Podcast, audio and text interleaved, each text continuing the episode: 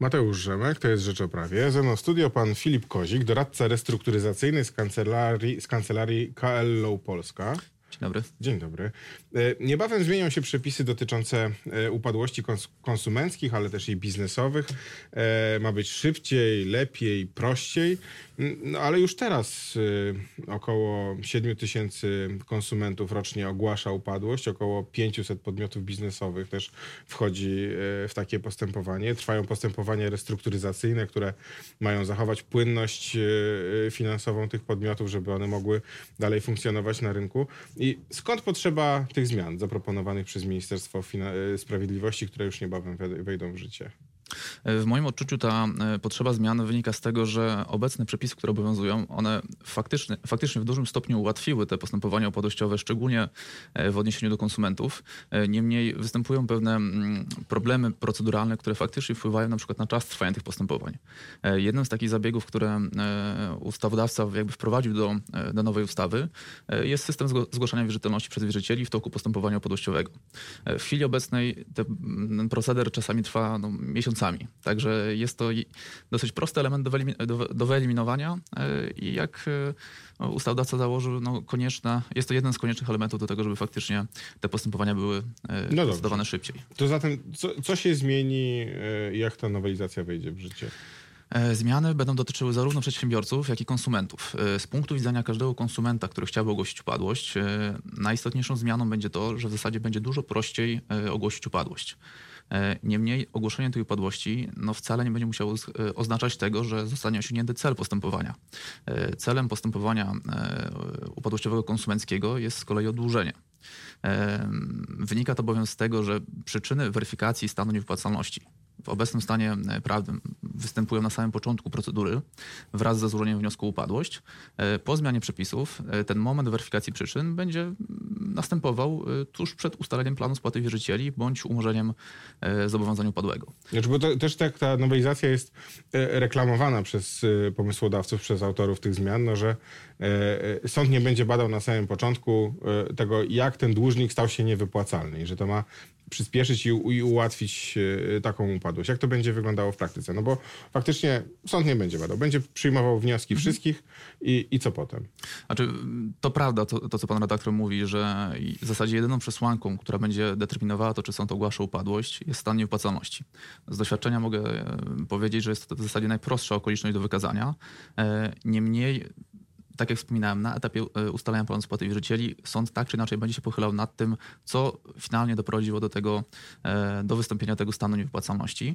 E, I jeżeli stwierdzi, że dłużnik istotnie doprowadził do swojej niewypłacalności bądź zwiększył jej stopień, na, na przykład poprzez celowe niezaspokojenie wierzycieli, wtedy występuje poważna podstawa do tego, żeby odmówić czy to ogłoszenia, przepraszam, czy to umorzenia zobowiązań, czy też ustalenia planu spłaty. Czyli co, łatwiej będzie wszcząć takie postępowanie, ale trudniej Tak. będzie je zakończyć tym takim pozytywnym skutkiem dla dłużnika, czyli właśnie tym zadłużeniem. Dokładnie czy tak. rozłożeniem y, tych jego zaległości na raty. Ale to rozumiem, że dłużnik teraz będzie musiał bardziej aktywnie uczestniczyć w, w samym tym postępowaniu i udowadniać, a może będzie mu łatwiej właśnie udowodnić tą, tą swoją niewypłacalność i, i, i osiągnąć ten cel w postaci jakby no, rozłożenia choćby tych długów na raty. Znaczy ja myślę akurat, że ten aspekt będzie mniej więcej porównywalny, jeżeli chodzi o stopień trudności dla dłużnika, czy to w obecnym stanie prawnym, czy po zmianie przepisów. E, Natomiast no, prawdą jest jednak ten przekaz medialny, który często występuje w różnych środkach przekazu, że osoby, które aktualnie nie łapią się na, tak, tak w cudzysłowie, nie łapią się na ogłoszeniu upadłości, e, będą taką upadłość mogły ogłosić e, po zmianie przepisów. Więc jest to e, no, pewna zaleta dla tych osób, które mm, no, nie do końca, których nie do końca można nazwać tak zwanymi rzetelnymi dłużnikami. No dobrze, no ale to samo ogłoszenie upadłości nie oznacza oddłużenia. Czy, to, czy łatwiej będzie z tym oddłużeniem w takim razie, czy jak pan to widzi? E, Moim zdaniem faktem jest to, że może być troszeczkę, e, e, może być troszeczkę prościej. Wynika to bowiem z tego, że istnieją pewne przesłanki negatywne, które powodują to, że sąd może odmówić czy umorzenia zobowiązań, czy ustalenia planu spłaty. Niemniej, jeżeli w określonym stanie prawnym zastosowanie znajdą tak zwane klauzule rozsądku. Mam tu oczywiście na, względy, huma- mam tu oczywiście na względzie względy humanitarne, czy też względy słuszności.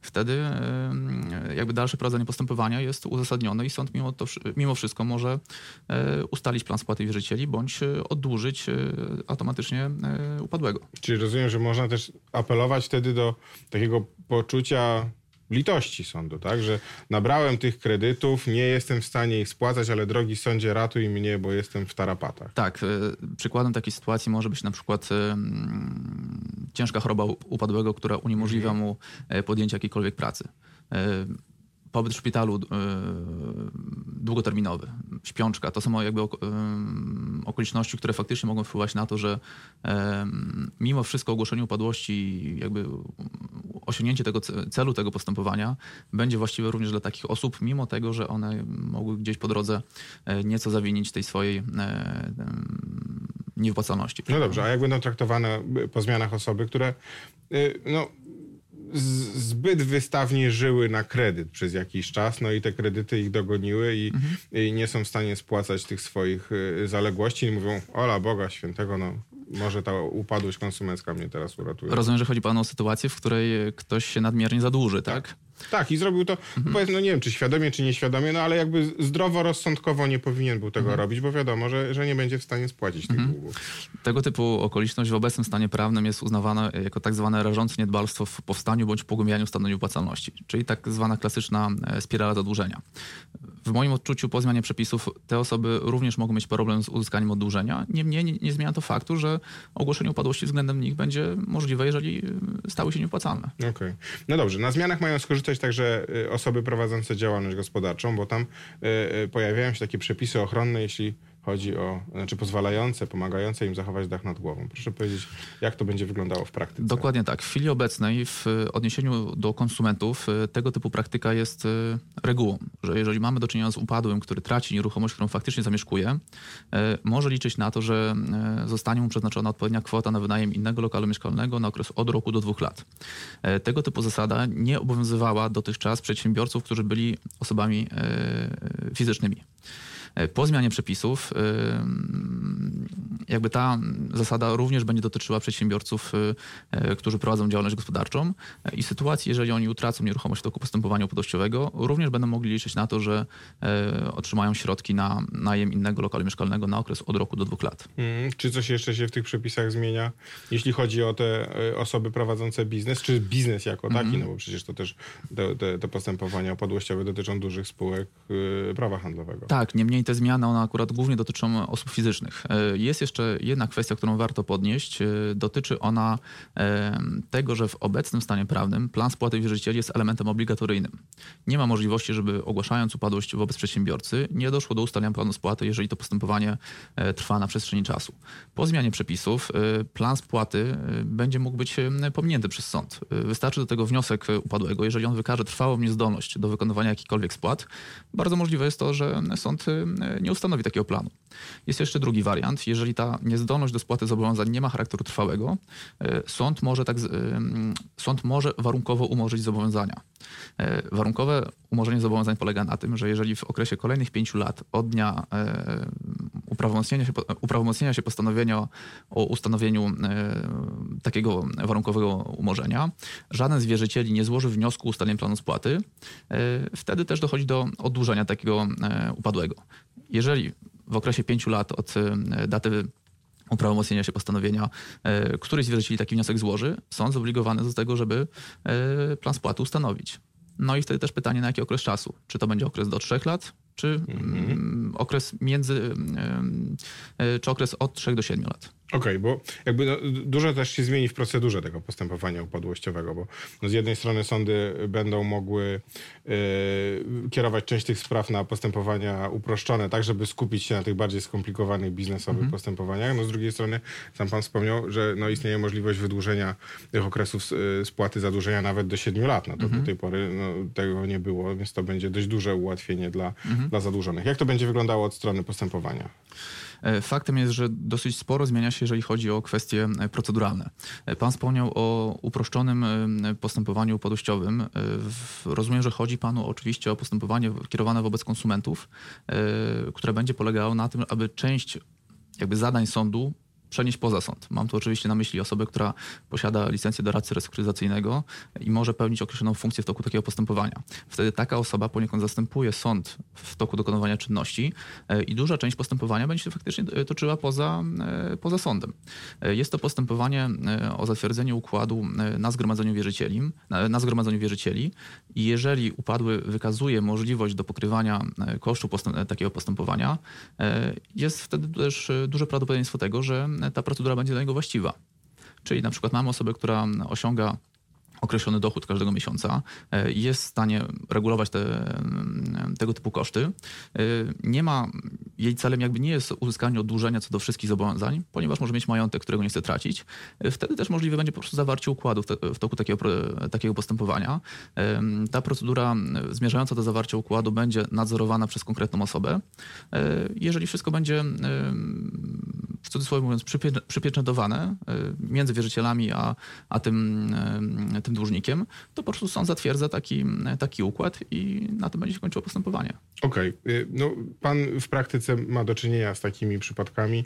Y, proszę powiedzieć, jak to wygląda y, tak na co dzień? Kto y, przychodzi z prośbą o wsparcie w takich postępowaniach mhm. i jaki jest efekt takiego, takiego mhm. postępowania najczęściej? No, zakładam, no, pytam tutaj o, o ten pozytywny, mhm. no, że na przykład, że, że, że, że taki dłużnik zostaje oddłużony, czy na przykład przykład y, mhm. jest w stanie rozłożyć te swoje zaległości na rady. Mhm. W naszej jakby dotychczasowej praktyce najczęściej zgłaszają się do nas oczywiście konsumenci, bo oni przez bardzo długi okres czasu nie mieli żadnej możliwości, żeby uzyskać oddłużenie. Zdarzają się bardzo często też y, no, osoby prowadzące y, swój własny biznes. Niestety w kontekście przedsiębiorców ja tutaj widzę pewną jakby no, wadę, nie powiem, że systemową, ale w rozumieniu jakby przepisów. Przedsiębiorcy bardzo często nie wiedzą o tym, że oni powinni składać wnioski o upadłość w momencie, kiedy stają się niewypłacalni. E, ta jakby świadomość nieświadom, brak świadomości tych przedsiębiorców no, powoduje to, że no, oni załóżmy wyrejestrowują działalności gospodarcze e, i następnie starają się o ogłoszenie upadłości konsumenckiej. W takiej sytuacji oni mają bardzo utrudnione postępowanie, e, które miałoby docelowo ich oddłużyć. W związku z tym no, brak wiedzy na temat tego, jak postępować w momencie powstania stanu nieupłacalności e, może być daleko idący dla takich osób. W związku z tym no, też, tak jak wspomniałem, widzę większą jakby przewagę osób wśród konsumentów, które są zainteresowane upadłością. No, widać to też w statystykach. No, tam jest tak kilka jest. tysięcy konsumentów i kilkaset mhm. przedsiębiorców upada co roku średnio. Dokładnie. Jeżeli mielibyśmy wrócić do skutków y, upadłości konsumenckiej, y, no to tutaj najbardziej w zasadzie dolegliwym skutkiem jest oczywiście utrata majątku, jeżeli taki majątek w ogóle posiadamy, prawda? Jeżeli upadły posiada majątek, no to oczywiście musi się liczyć z jego utratą. Kolejnym ze skutków będzie na przykład powstanie ustroju rozdzielności majątkowej między małżonkami, jeżeli jeden z nich ogłasza upadłość, a żyli dotychczas w ustroju wspólnoty majątkowej.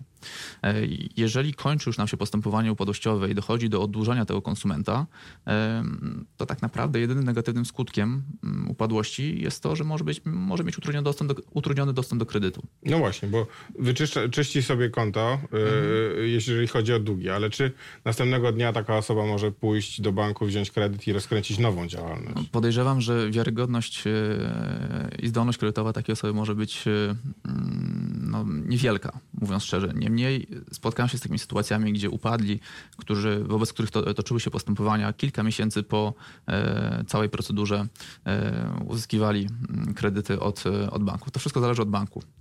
To więc nie ma jakby tutaj reguły, nie ma zakazu, e, aby, aby upadły zaciągnął kolejne zobowiązanie po zakończeniu postępowania. Czyli można też wstać po prostu po, po, po takim... To jest dokładnie celem tego postępowania e, upadłościowego konsumenckiego, aby okay. dłużnik mógł odzyskać z powrotem płynność finansową. Y, pierwotnie te przepisy miały wejść w życie 1 stycznia. Y, no, w mhm. finale ten y, termin został przesunięty. Na kiedy? E, duża część przepisów ulegnie zmianie 24 marca 2020 roku. Z kolei pozostałe przepisy zmienią się 1 e, grudnia 2020.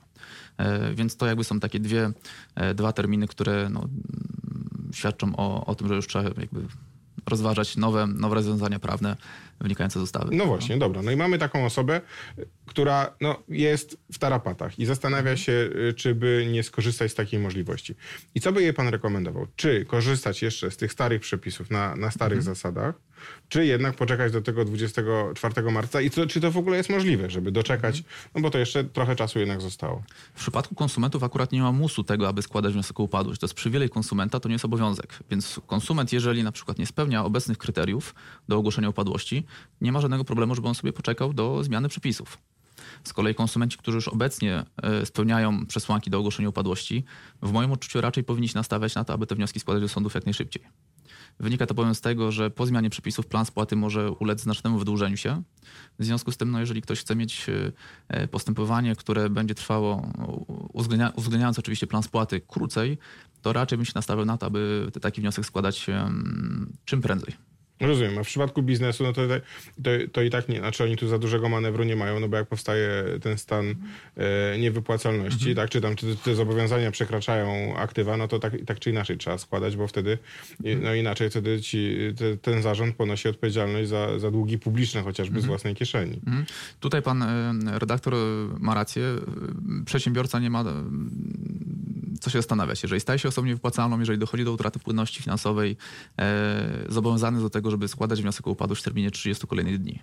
Więc w przypadku przedsiębiorców akurat nie rekomendowałbym tego, żeby czekać na zmianę jakichkolwiek przepisów. Jeżeli musimy to robić teraz, to róbmy to teraz. Okej. Okay. Bardzo panu dziękuję za rozmowę. Moim gościem był Filip Kozik, y, doradca restrukturyzacyjny z kancelarii KL Low Polska.